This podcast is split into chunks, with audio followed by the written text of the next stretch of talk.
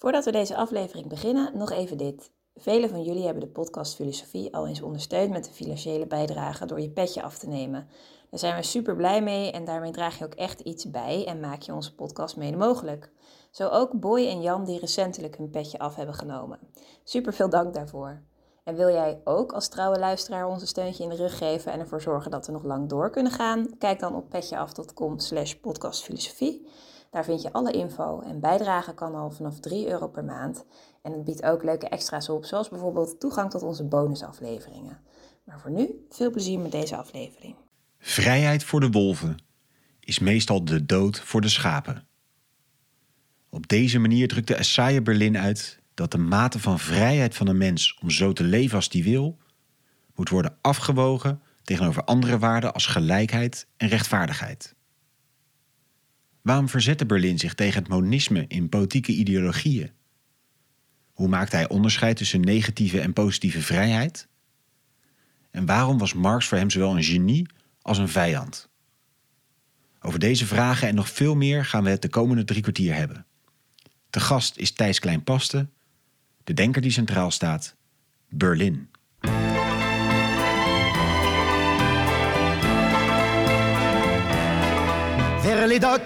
Où le poids et l'ennui me courbent le dos. Ils arrivent le ventre Dag, goed dat je weer luistert naar een nieuwe aflevering van de podcast Filosofie van het Centre Erasme, School voor Filosofie in Zuid-Frankrijk, Vlaanderen en Nederland. Mijn naam is Allard Amelink. Het concept is bekend, een hoofdgast, een presentator en een sidekick. En in ongeveer 45 minuten diepen we één filosoof uit.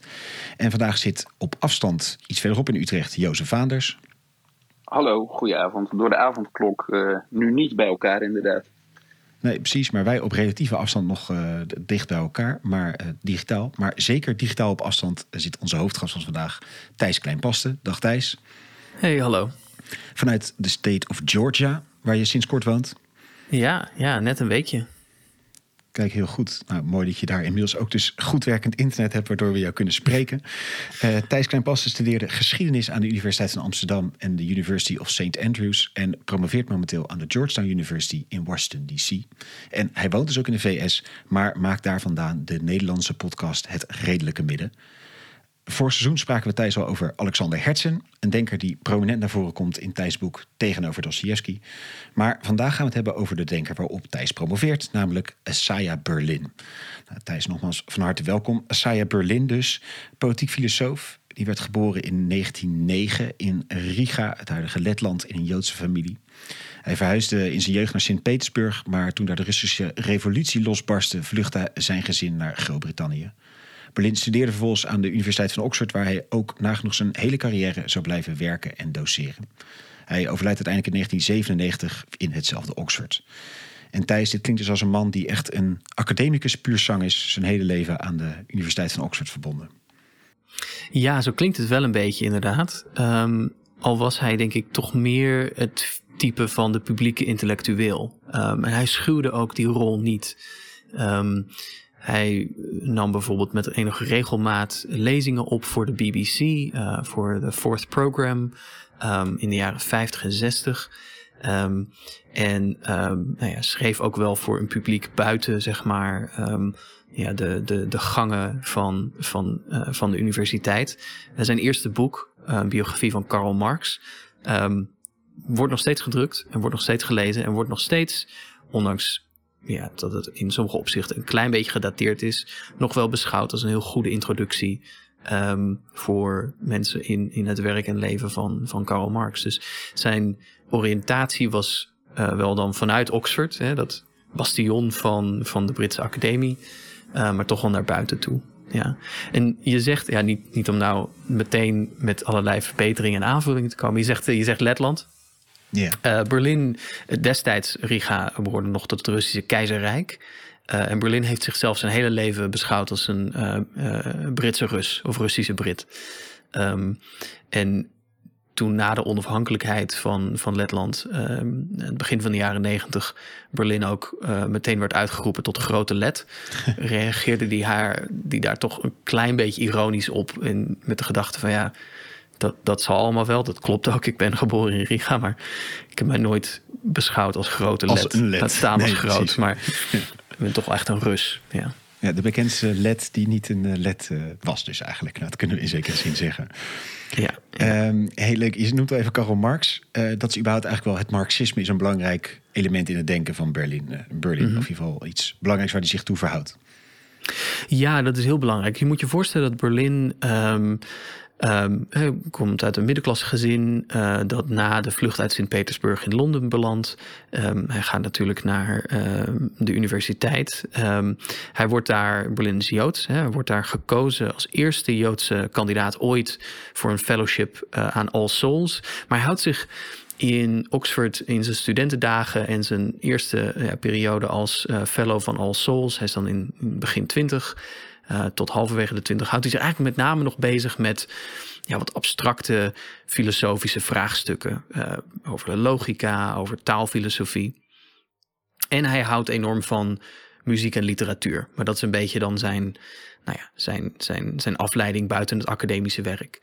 Ehm, Totdat hij op enig moment, en dit gebeurt in ehm, 1935, wordt hij benaderd door ehm, een uitgever en die zegt: eh, er moet een biografie komen van Karl Marx, populair geschreven het liefst. Eh, kun jij dat niet doen, Berlin? Hij was overigens niet de eerste keuze, ook niet de tweede, en hij wist dat wel. Maar goed, hij zegt: ehm, prima, ik ga dat doen. Ik ga die biografie schrijven, want zo motiveert hij zelf. Ehm, iedereen las Marx en ik had zelf hem nog nooit gelezen. En dat moest er toch maar een keer van komen. Want ja, de jaren dertig natuurlijk een periode van grote politieke eh, ontwikkelingen. Niet alleen de opkomst van het nazisme, maar ook eh, Stalinisme in Rusland. Hè. We, zeggen inmiddels ongeveer twintig jaar, bijna twintig jaar na de Russische revolutie, die heeft moeten ontvluchten. Ehm, maar hij had nog nooit zich met Marx bezig gehouden. Terwijl vrienden van hem wel Marxisten waren en ook Marx graag lazen. Nou ja, hij zet zich aan het werk en vier jaar later is er inderdaad die biografie. Uh, die verschijnt in uh, 1939. Uh, Karl Marx, zijn leven en um, milieu. Als ik het even vlug vertaal. His life and environment. Ja, dat is een bredere intellectuele context of zo, zeg maar, waarin die uh, leefde. Ja, ja en, en, en denk ik wel terecht hoor. Berlin die vond het heel belangrijk om toch ja, Marx te lezen. Want um, ja, los van het nazisme, wat natuurlijk een extreme gruwel was. En waar mensen natuurlijk ook uitzonderlijk bezorgd over waren, was um, ja, de grote intellectuele kracht van dat tijdperk. Dat kwam voort uit het Marxisme. Niet alleen uit de Sovjet-Unie, maar met name ook onder denkers en dichters en schrijvers en publieke intellectuelen, maar ook academici. Die um, ja, Marx lazen en dat begonnen toe te passen. Dus voor Berlin was het van enorm groot belang, vond hij zelf, om nou te begrijpen wat nou de kern van het Marxisme was. En hoe, hoe beoordeelt hij dat? Als in, is het alleen een beschrijvende biografie of verhoudt hij zich ook zelf op een bepaalde normatieve manier ten opzichte van de inhoud van het Marxisme? Wat is zijn verhouding daartoe? Berlin kreeg complimenten op zijn biografie, ook van mensen die hem met wat wantrouwen benaderden. Want Berlin was niet een, uh, een aangestaalde socialist en, en had niet zeg maar heel uh, solide linkse credentities. Uh, maar hij werd eigenlijk alom, de biografie werd alom geprezen om um, de sympathieke, maar objectieve toon. He, Berlin heeft een heel groot vermogen. En dit is denk ik ook een van de blijvende aantrekkings- of aantrekkelijke dingen van, van Berlin, als je zijn werk leest. Um, Berlin had een uitzonderlijk vermogen om in de huid van zijn onderwerp te krijgen, te kruipen. Um, en hem. Uh, en dat onderwerp uh, op een sympathieke, maar faire en niet onkritische manier te presenteren. Groot vermogen tot, tot empathie. En dat lukt hem eigenlijk ook bij Marx. Je merkt in zijn biografie dat hij vindt dat Marx toch een heel radicaal persoon is. En hij legt ook nadruk op het feit dat Marx uh, ja, toch een, een, zeg maar een, een vurig temperament heeft. En een, uh, ja, een echte intellectuele rouwdouwer is in dat opzicht. Um, en hij begint, hij begint ook een van de latere hoofdstukken um, over Marx. Begint met zo'n klein citaatje aan het begin uit een. Um, uh, uit, een, uit, een, uit de memoires van, uh, van een oude Britse Marxist, uh, Hindman, um, die op een gegeven moment ergens opschrijft van, ja goed, ik, ik had het dan met Marx over dat ik merkte dat naarmate ik ouder werd, ik steeds milder word. En Marx reageert daarop dan met, oh ja, Oh ja. Ehm, en dat, dat was wat Berlin betreft Marx ten voeten uit. hij was uh, en altijd die radicaal. En, en, en in die zin vond hij het Marxisme ook echt een filosofie van, van radicalen. Mensen die uh, ongeduldig zijn, uh, die niet um, ja, zich te veel gelegen laten aan de traagheid van democratische, liberaal-democratische procedures. maar het onrecht in de wereld graag subiet uit willen bannen. Uh, en als nodig. En dat blijkt dan dus ook heel vaak nodig met een revolutie. Um, ja. Hey, en, en dat is nou dus hoe die zich eigenlijk tot de stijl verhoudt, zeg maar. Inhoudelijk, wat is zijn mhm. kritiek op, op marxisme? Het interessante is, en hier hebben uh, critici, van, uh, critici van Berlin ook nog wel eens uh, wat mee te stellen, is dat Berlin eigenlijk betrekkelijk weinig aandacht besteedt aan Marx als econoom. Uh, en ook nog wel betrekkelijk weinig aandacht aan Marx als socioloog. Hè, als analyt, dus Marx een hele economische systeem dat hij ontvouwt in, um, in het kapitaal. Uh, maar ook Marx een sociologische analyses over economische macht, sociale macht en hoe zeg maar, de economische macht zorgt voor specifieke politieke verhoudingen. Um, die komen er bij Berlin zo nu en dan wat bekijkt van af. Wat bij hem het marxisme ten voeten uit is, is een soort voortzetting van een verlichtingsfilosofie uh, over uh, ja, hoe de geschiedenis zich aan ons ontvouwt. En hij zegt in de kern van het marxisme zit een opvatting over de geschiedenis als een soort progressieve ontwikkeling naar een einddoel, de klasseloze, bezitsloze samenleving, die met menselijk handelen en met het menselijk intellect een beetje een, ja, een, een zetje vooruitgegeven moet zien te worden. Het einddoel staat vast. Uh, die rechtvaardige, vrije. Alleen versnellen. Ja, precies. En je kunt, hij zegt het Marxisme is een, is een filosofie die zegt je kunt de wetten van die geschiedenis kun je ontdekken. He, die, die, die openbaren zich aan ons in het sociale leven. Die kun je analyseren. Die kun je met, uh, met de reden en de ratio kun je die uh, begrijpen. Um, en als je die helemaal hebt, ja, dan is politiek verder ook niet zo moeilijk meer. Dat moet je dan gewoon netjes en consequent toepassen. He, uh, de arbeidersklasse gaat winnen, het kapitalisme is gedoemd. Waarom zouden we nog, uh, waarom zouden we dralen en talmen en. en, en ja, je kan uh, tegenstribbelen, ja. maar het is onherroepelijk waar het heen gaat. Precies. En bij Berlin um, speelt er natuurlijk mee dat hij niet alleen denkt aan wat hij leest in Marx, maar met name ook. Kijk, Berlin was iemand die um, de, de, zeg maar, voor wie ideeën altijd ook een, een praktische component hadden. En dat, uh, kijk, het feit dat de Russische revolutie en mensen zoals um, uh, Lenin en, en Trotsky bijvoorbeeld met Marx enorm uit de voeten konden, bewijst in die zin ook wat de ware aard van het Marxisme is voor, voor Berlin. Dus Berlin stelde zich heel nadrukkelijk op het standpunt als academicus dat ideeën corresponderen met een politieke realiteit. En dat je dus ook niet te gemakkelijk mag zeggen: ja, maar wacht even, dat is niet het echte. als we puur kijken naar Marx, dan zou hij ook heel boos zijn geweest op Lenin. Is, Berlin zegt ja, kom op jongens, dat is niet fair. Dit zit wel degelijk ook in Marx. Hè? Dus als Trotsky schrijft over um, de, de afvalhoop of, of de, de, de, de afvalbak van de geschiedenis, hè? Waar, waar de reactionaire krachten dan maar ingeveegd moeten worden. Hij zegt ja, dat, dat, dat zit wel degelijk ook al in, eh, in dat systeem van, van Marx. Dus, um, maar om, om de gedachte even terug te brengen naar de kern. Berlin richt zich in zijn analyse van het Marxisme dus heel erg op het historische en het politieke element. Hij, beschouwt Marxisme echt als een politieke ideologie die een soort recept aan ons geeft voor hoe politiek bedreven moet worden. Klassenpolitiek uh, richting dat einddoel.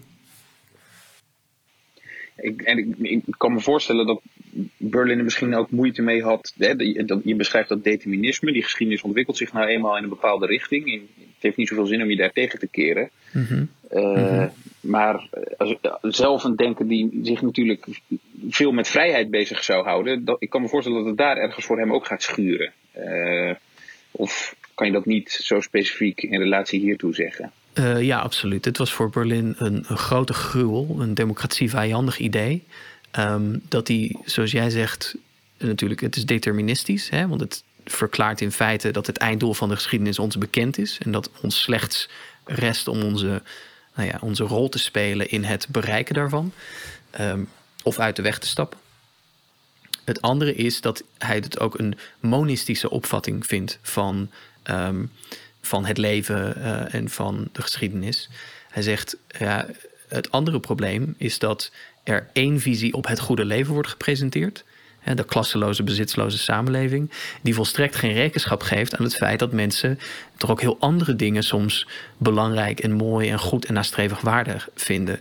Dat er andere waardestelsels zijn die zich ja, eigenlijk onverenigbaar zijn met dat Marxistische maar niet a priori, hè, niet, niet bij voorbaat kunnen worden afgeschreven als onjuist of fout, uh, et cetera. Die in de afgebak terecht moeten komen, zeg maar.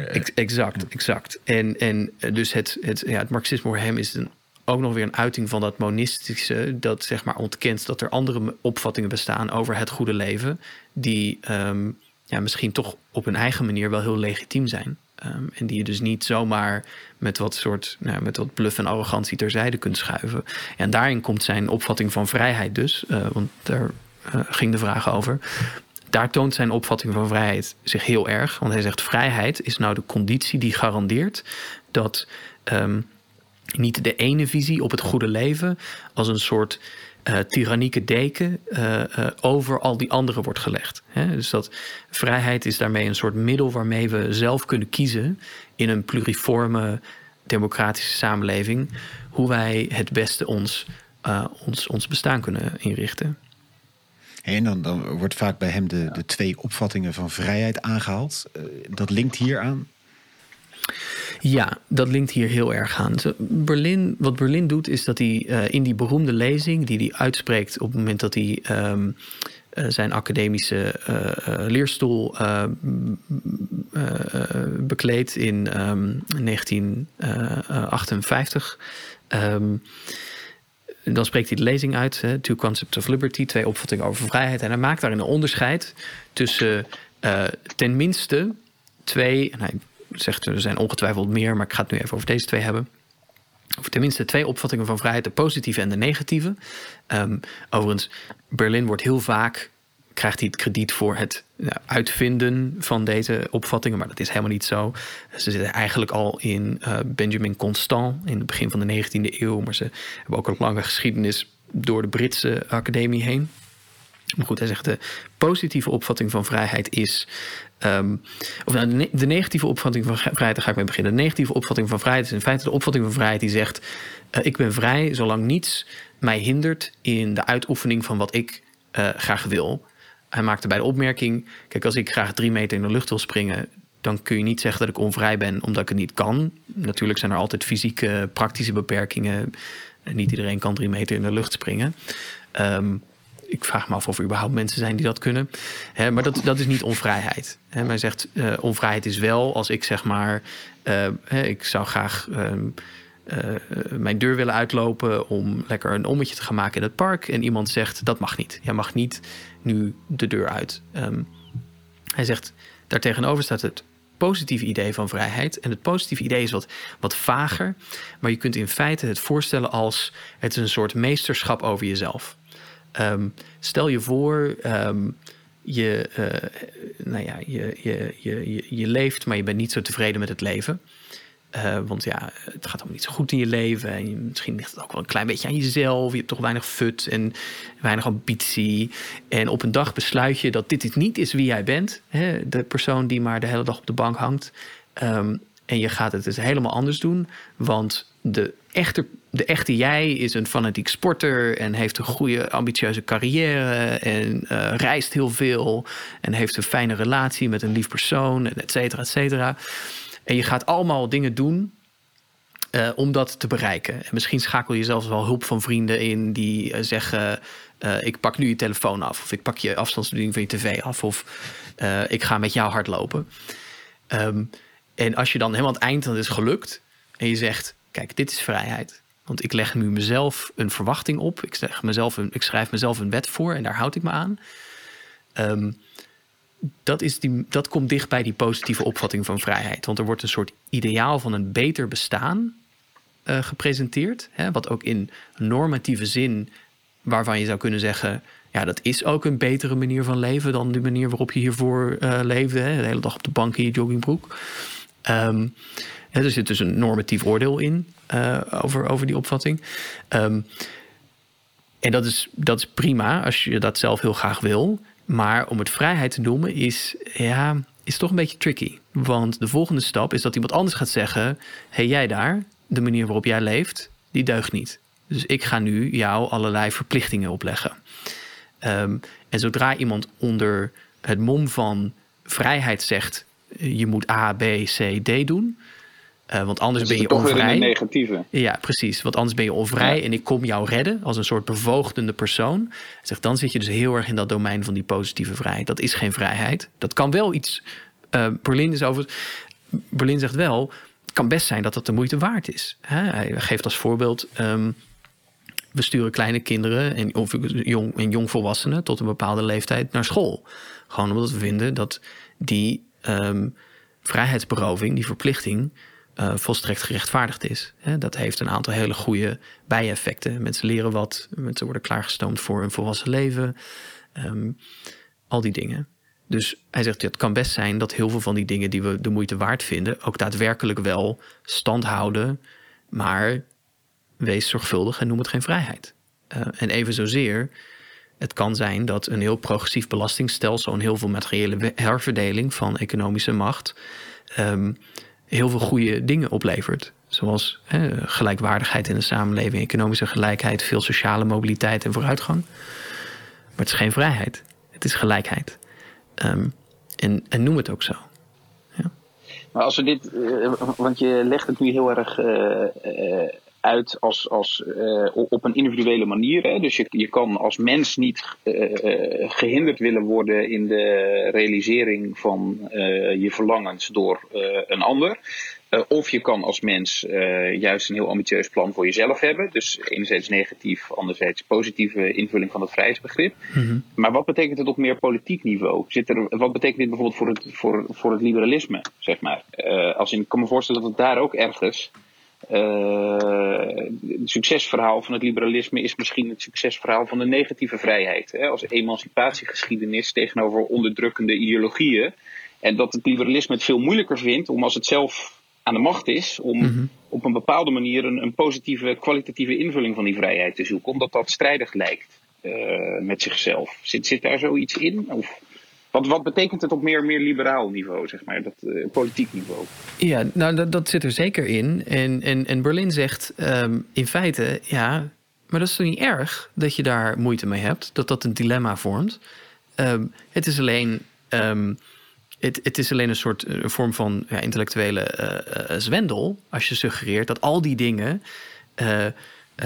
Zeg maar harmonieus in elkaar grijpen onder het bom van vrijheid. Dat er één opvatting is van vrijheid die perfect alles rangschikt, alle voorkeuren, alle wenselijkheden, alle um, uh, ja, politieke beleidsmaatregelen. Uh, uh, en dat je kunt zeggen. gaat elk dilemma. Ja, elk, dilemma. Hier is vrijheid. Dit is vrijheid.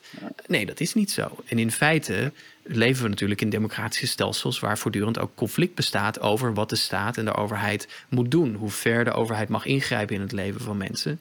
Uh, omwille van allerlei, um, allerlei andere uh, uh, waarden. om een heel kort uitstapje te nemen. Dat is een klein beetje een niche onderwerp van, van Berlin, maar het illustreert wel goed het punt. Um, hij zegt bijvoorbeeld, hè, Berlin schrijft. Um, uh, in een tijd dat ook de dekolonisatie in volle gang is. Het Britse, uh, het Britse Rijk, um, heel, veel, heel veel voormalige koloniën worden daar onafhankelijk.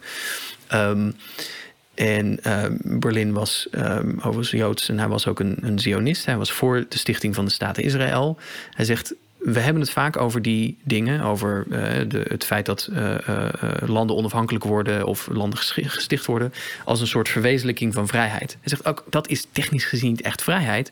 het is democratische, het is zelfbestuur, het is soevereiniteit, het is zelfdeterminatie. Maar het is niet iets wat vrijheid is. Nou, en op, op dat niveau denkt hij dus naar over de politiek en hij zegt.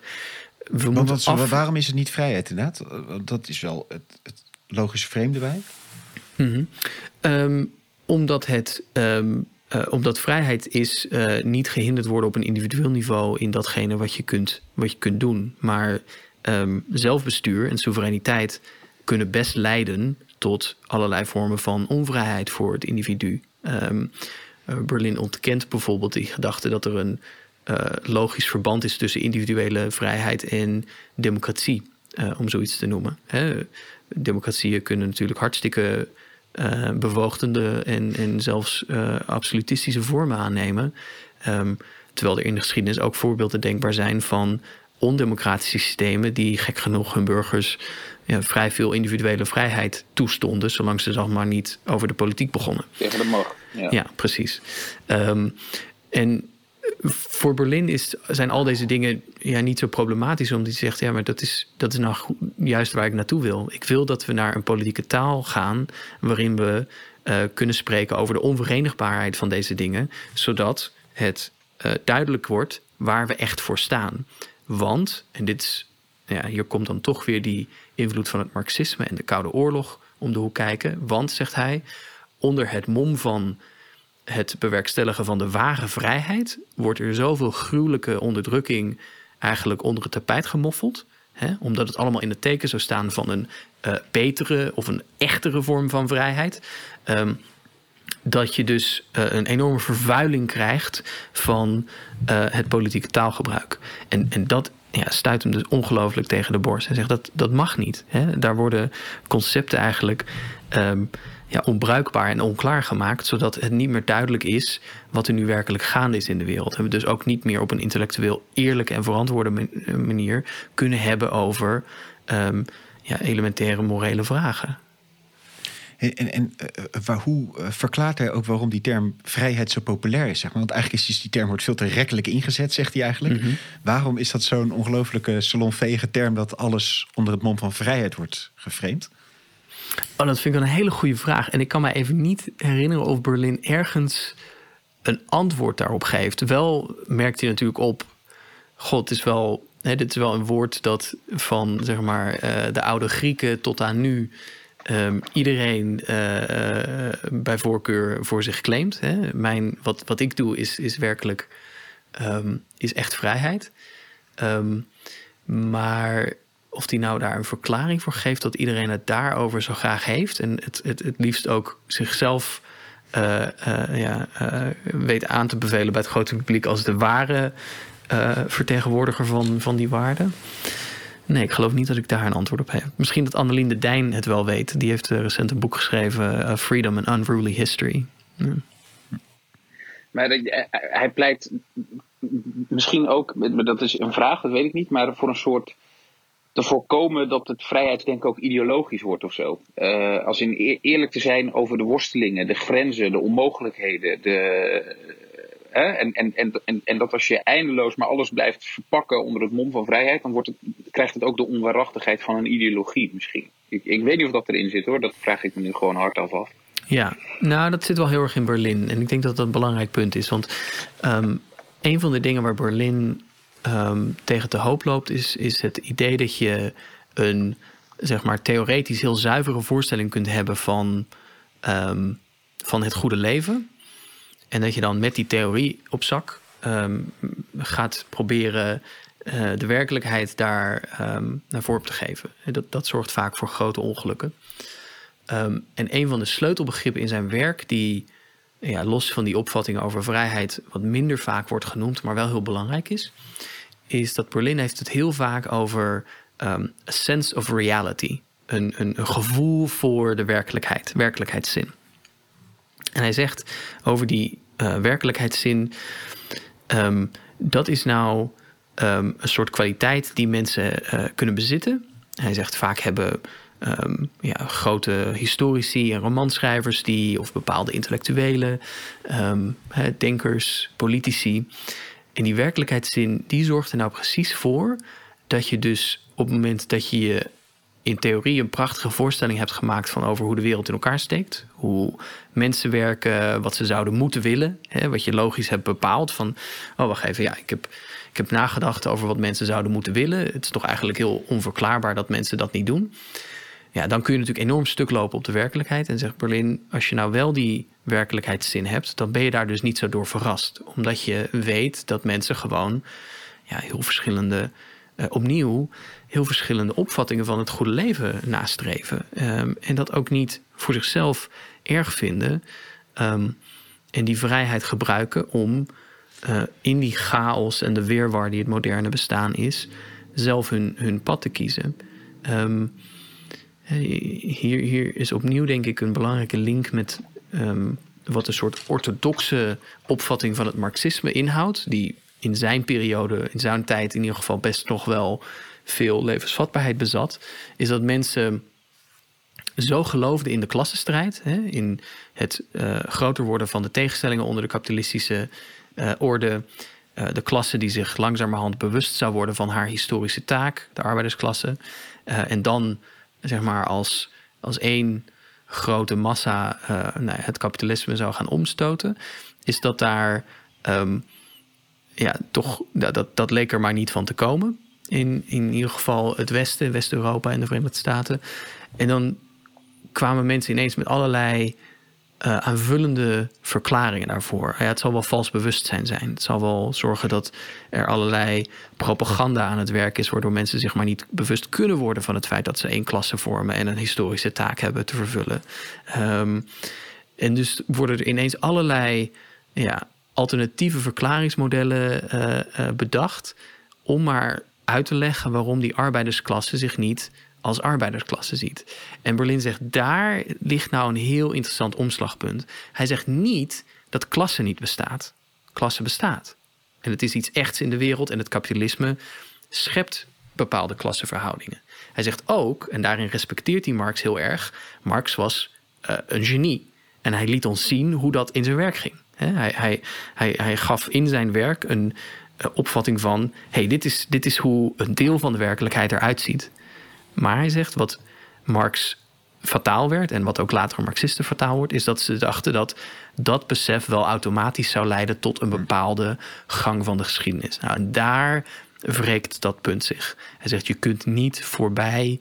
Um, de rommeligheid van de wereld denken. Um, mensen, zelfs al behoren ze tot de arbeidersklasse, zullen zich niet zelf altijd zien als lid van de arbeidersklasse. En misschien zelfs dat niet willen. Bijvoorbeeld omdat ze zich een sterkere identificatie hebben met uh, de religieuze, de geloofsgemeenschap waarmee ze verbonden zijn. Uh, of met um, gevoelens van nationalisme. Um, daar dacht hij ook alweer het zijne van. Maar hij oordeelde daar wat minder over. Hij zei niet dat is fout en daar moeten ze van afgeholpen worden. En, en, en dat is iets waar ze het eigenlijk ja, hij was, hij was, hij was daar wat meer gelaten over. Ja. ja. Hey, ja. ik moet wel denken aan de podcast die wij vorige keer opnamen met jou over Hertzen. Uh, mm -hmm. Wat is het ook weer? Berlin heeft Hertzen een beetje gepopulariseerd, geloof ik ook, uh, was het verhaal. Maar die ja, heeft ja. hetzelfde een beetje tussen dat... Uh, dat herinner ik me van, van Hertzen. Van het, het enerzijds hou het vuur branden van je idealisme, maar anderzijds wees je realistisch over uh, de maximaal haalbaarheid ervan. Dus iets of in ieder geval van, van ja, uh, niet waar gehakt va wordt vallen Spaanders. Dat moet je niet voor granted nemen, zeg maar. Klopt het nee, nou dat nee, hij dat daar vandaan heeft? Of... Ja, absoluut. Want, want Hertzen is natuurlijk iemand die uh, ook door ervaring tot het inzicht komt dat het volk niet altijd doet wat de theorie had voorgeschreven.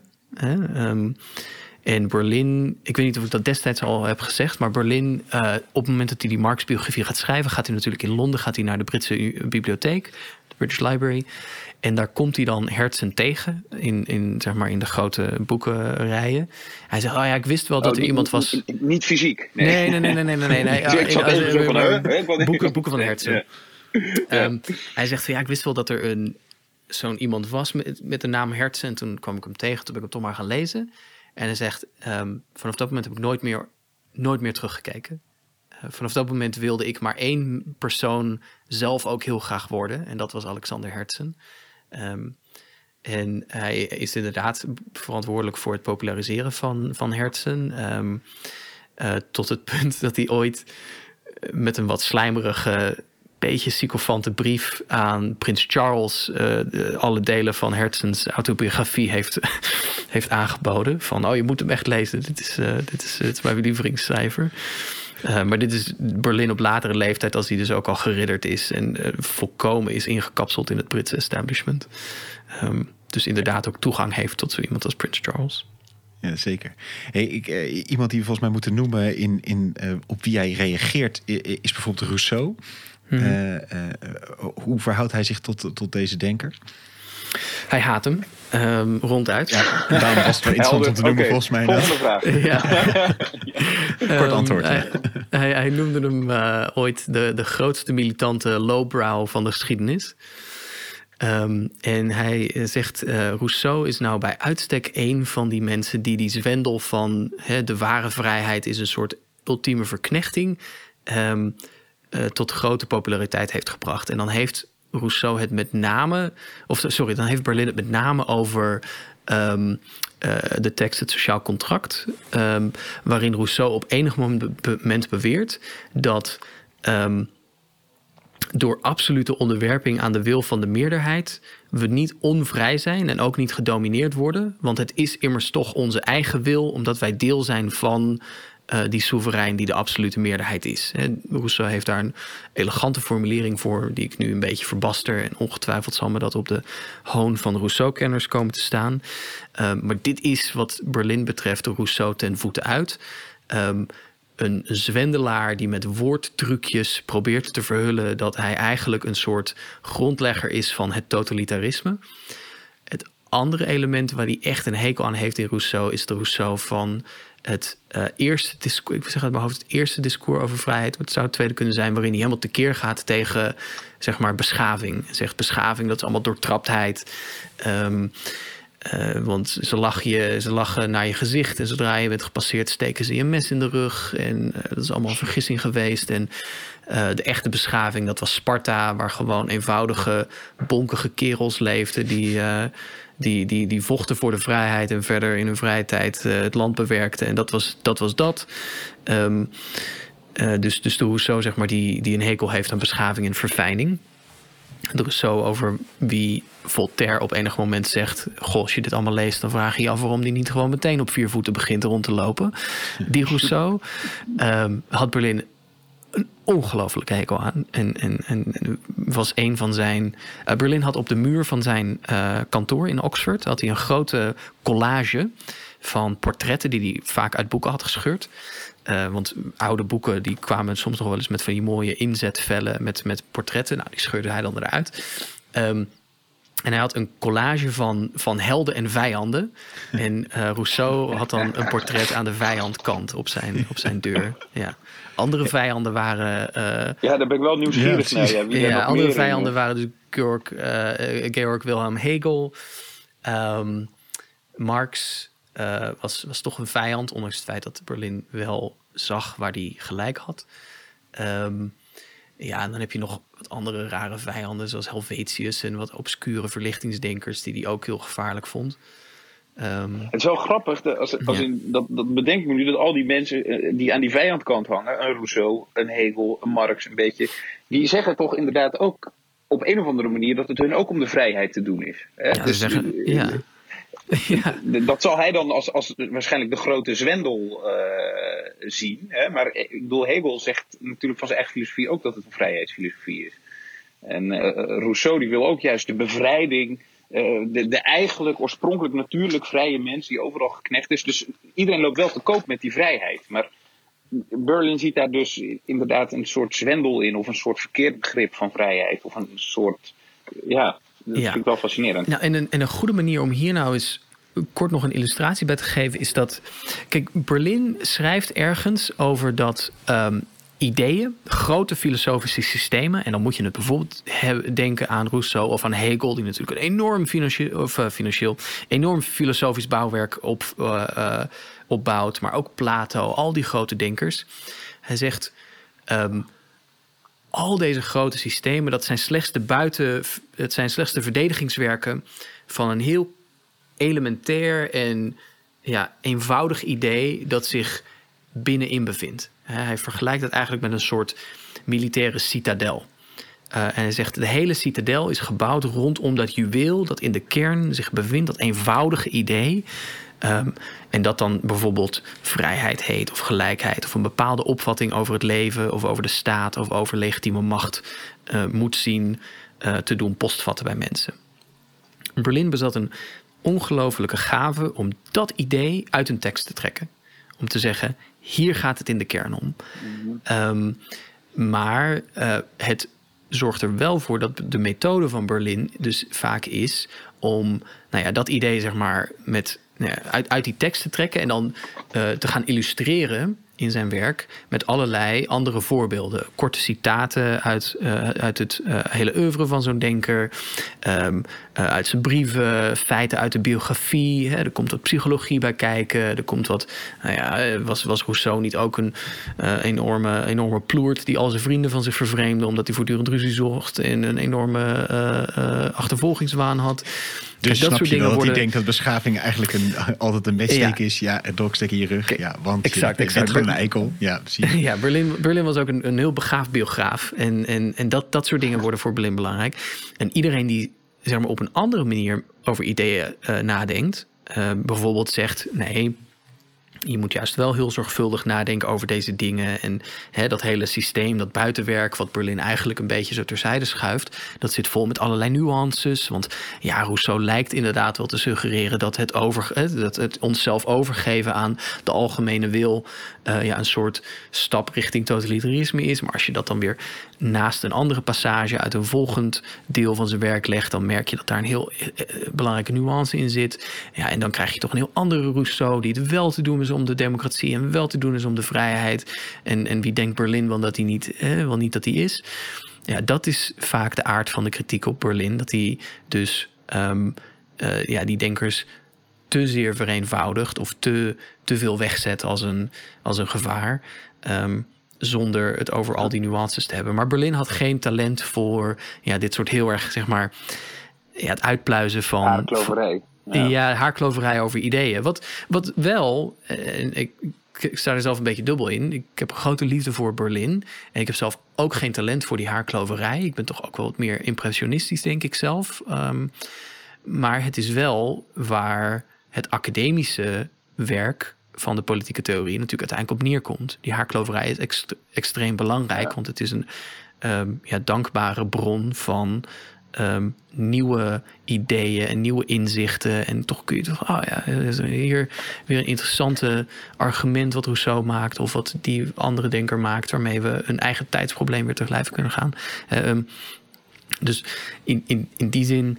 Um, Berlin is ook niet zo populair onder academici, juist omdat hij dus daar niet aan doet. Hè. Hij, ja, en, wordt... en des te populairder in het publieke discours eigenlijk. Ja. Misschien juist wel om Ja. deze reden dus ook, omdat het makkelijk te Ja. citeren is in die zin. Ja, ja en eh, ik ben altijd geneigd om Berlin te verdedigen hierin. Ehm, ik denk dat je. ze- Ze noemen het vakgebied political theory, politieke theorie. Hè? Ehm, en ik denk dat je twee manieren die term kunt uitspreken. Je kunt zeggen politieke theorie en je kunt zeggen politieke theorie.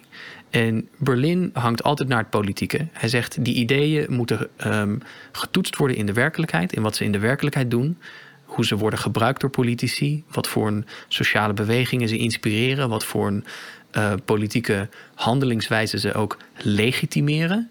Als je nou kijkt naar ehm, de grote politici in de geschiedenis, de, de, de, de, eh, van, van dictators tot democratisch gekozen politici, en welke ideeën ze aanroepen om zich gerechtvaardigd te achten in een, op een bepaalde manier te handelen. Ehm, dat is zeg maar, eh, dat is de toets van dat soort ideeën. Hè, het, het, het, het politieke eraan. Terwijl dat, die andere opvatting is heel erg een theoretische opvatting. Hè, hoe kunnen we over politiek nadenken op een theoretische manier? En ehm, ja, eh, zeg maar, het, het, ja, een beetje, het is een beetje de theorie eerst benadering. Maar goed, daar hadden we het eerder ook al even kort over, naar aanleiding van Hertzen. Dat is een benadering die Berlin gewoon niet ligt. Ehm, hij denkt dat ideeën zo niet werken. Misschien wel ehm, ja, in, de, in het zaaltje of in de vergadering, zeg maar in de, in de, in de, ehm, in de discussie tussen academici in, in Oxford.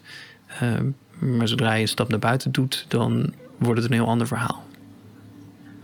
Heen, als we kijken naar, naar eh, Berlin vandaag de dag. Wat, eh, hij wordt net wel aangehaald. Hij ligt bij boekwinkels. Wat, eh, ho- hoe wordt hij gerecepteerd, zeg maar? Is dat, en doet het ook een beetje recht aan hem? Of wordt hij ook ingekookt tot zo'n essentie die uiteindelijk toch een beetje de plank mist? Dat zou ironisch zijn, maar...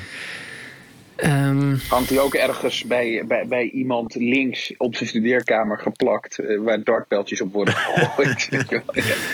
Ehm, nou, hij hangt, hij hangt bij mijn eh, begeleider in eh, Georgetown op zijn studeerkamer, maar dan in een mooie lijst. Maar Eh, rechts, denk ik. Ja, Ja. bij de vrienden, ja. Ehm, Ja. Nou, eh, iedereen heeft een beetje zijn eigen Berlin. Er zijn mensen die Berlin heel conservatief lezen. Met name heel erg ehm, gegrepen zijn door zijn analyse van de gevaren van monistisch en links denken. Eh, dat zijn ook mensen, dan spreek ik een beetje persoonlijk mijn mening daarover uit. Dat zijn ook mensen die echt achter elke eh linkse activist nog een, een Lenin eh, zien, zeg maar. Dus die echt bang worden van elke uitdaging van de, van de gevestigde orde. En dan al beginnen te piepen van... oh, dit is, dit is de eerste stap op weg naar een grote politieke tragedie. Ik vind dat onzin.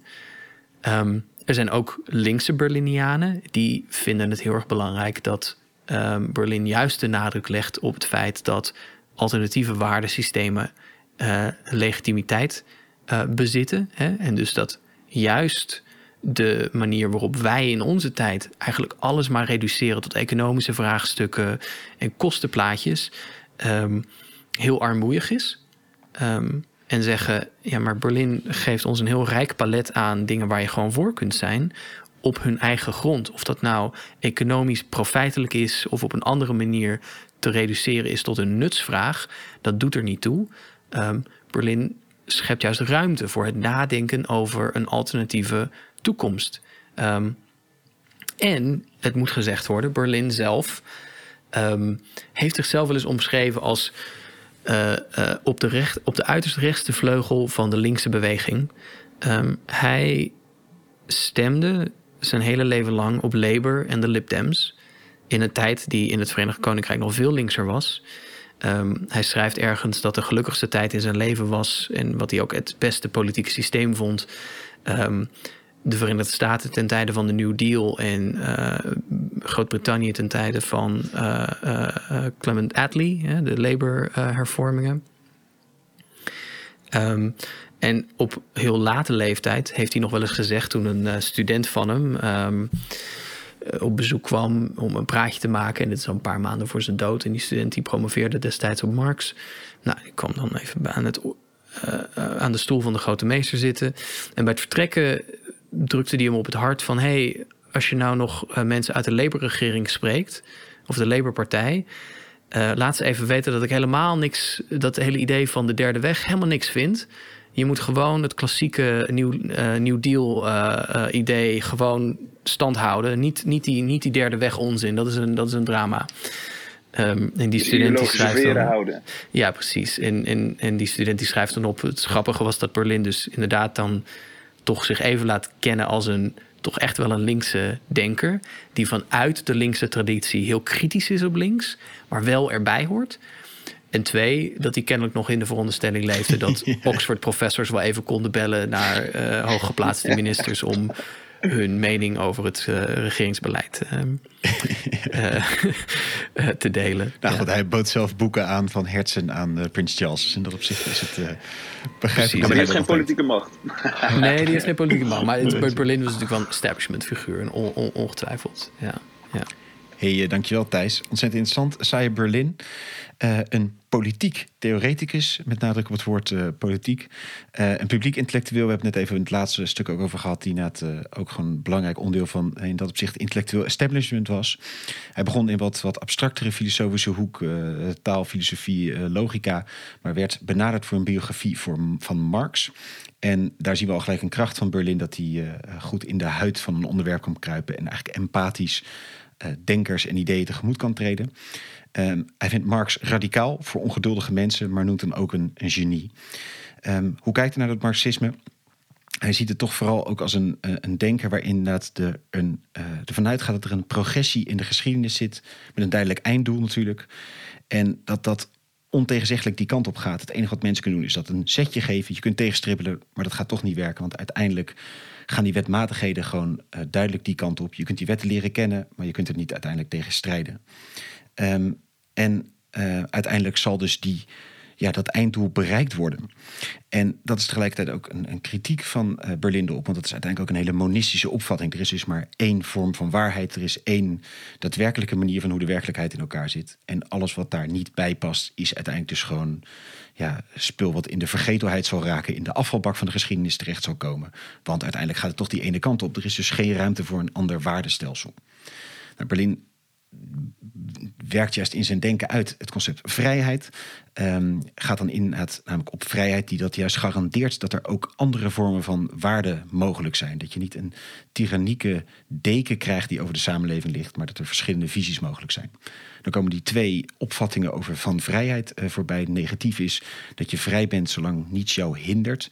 En daartegenover zet je positieve, wat minder duidelijk uh, te, te vast te pinnen, maar het idee van een soort meesterschap over jezelf. Dat je jezelf een wet kan opleggen, een normatief idee hebt van wat beter kan zijn en daarnaar kan gaan leven.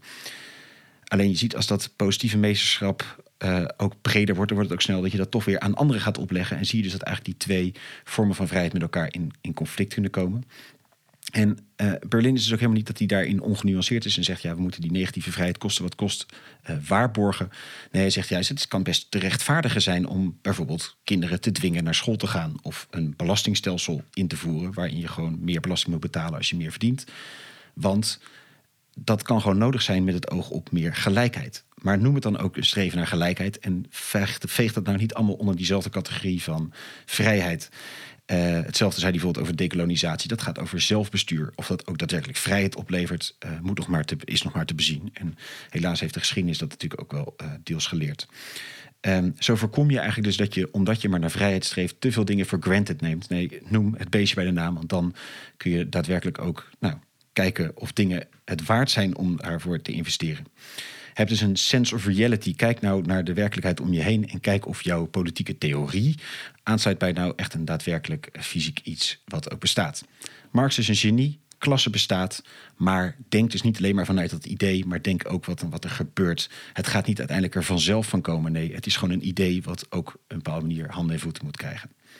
Nou, die vrijheid als een soort ja, ultiem streven. En wat eigenlijk gewoon een beetje een heel fluïde begrip is. Daar heeft Hegel een voorbeeld van, Rousseau een voorbeeld van. Marx is ook in zekere zin. Die hingen aan het, aan het rijtje van slechte denkers, van vijanden van uh, Berlin. Um, hij kon goed de essentie uit denkers koken. Uh, maar het risico was dat daarin ook wel eens de nuance verloor. Uh, vandaar dat hij in academische zin niet altijd meer enorm leidend is, maar wel in het publieke debat nog graag gebruikt wordt je ziet dan eigenlijk een beetje twee scholen, uh, zei Thijs al, een conservatieve kant die meer zegt van, uh, nou heel erg de nadruk legt op van negatieve vrijheid moeten we beschermen. Dus dat is heel snel in het gedrang. Kijk maar naar Berlin. En andersom kun je juist zeggen, nou Berlin is juist omdat hij zegt van er zijn verschillende waardesystemen, is waardepluralisme. Die schept eigenlijk juist ruimte voor kritisch denken over hoe het establishment en de status quo nu is. Dus Berlin biedt daar juist ruimte voor om kritisch te zijn. Nou, nu is natuurlijk de, het risico dat wij een beetje in de Berlin-valkuil zijn getrapt. Dat wij dan hem nu ook hebben geprobeerd dood te koken tot één essentie. Maar ik vond die voorbij gewoon overtuigend. Ik weet niet hoe jij het vond, Jozef, maar uh, ik wil je heel hartelijk danken, uh, Thijs. Uh, we zijn ja, benieuwd. Ik ben alleen nog wel benieuwd, maar dat is voor na de podcast wie er aan de rechterkant van de Kamer van Berlin hingen, boven Hertzen. Maar die, die pakken we zo, uh, zo nog wel even op. Qua de helder van. Ja, precies. precies ja, de helder. Nou, dit zullen we nog even in de comments erbij zetten wie nog meer in de helder categorie van, van Berlin zit. Uh, Thijs, heel hartelijk dank. We vonden het zeer uh, goed je zo op deze afstand te spreken. Jozef, op kleinere afstand, maar ook heel hartelijk dank. Maar vooral natuurlijk jij, heel hartelijk dank voor het luisteren. We zijn benieuwd wat je van de afleveringen vindt, dus laat ons vooral weten. En graag tot een volgende uitzending.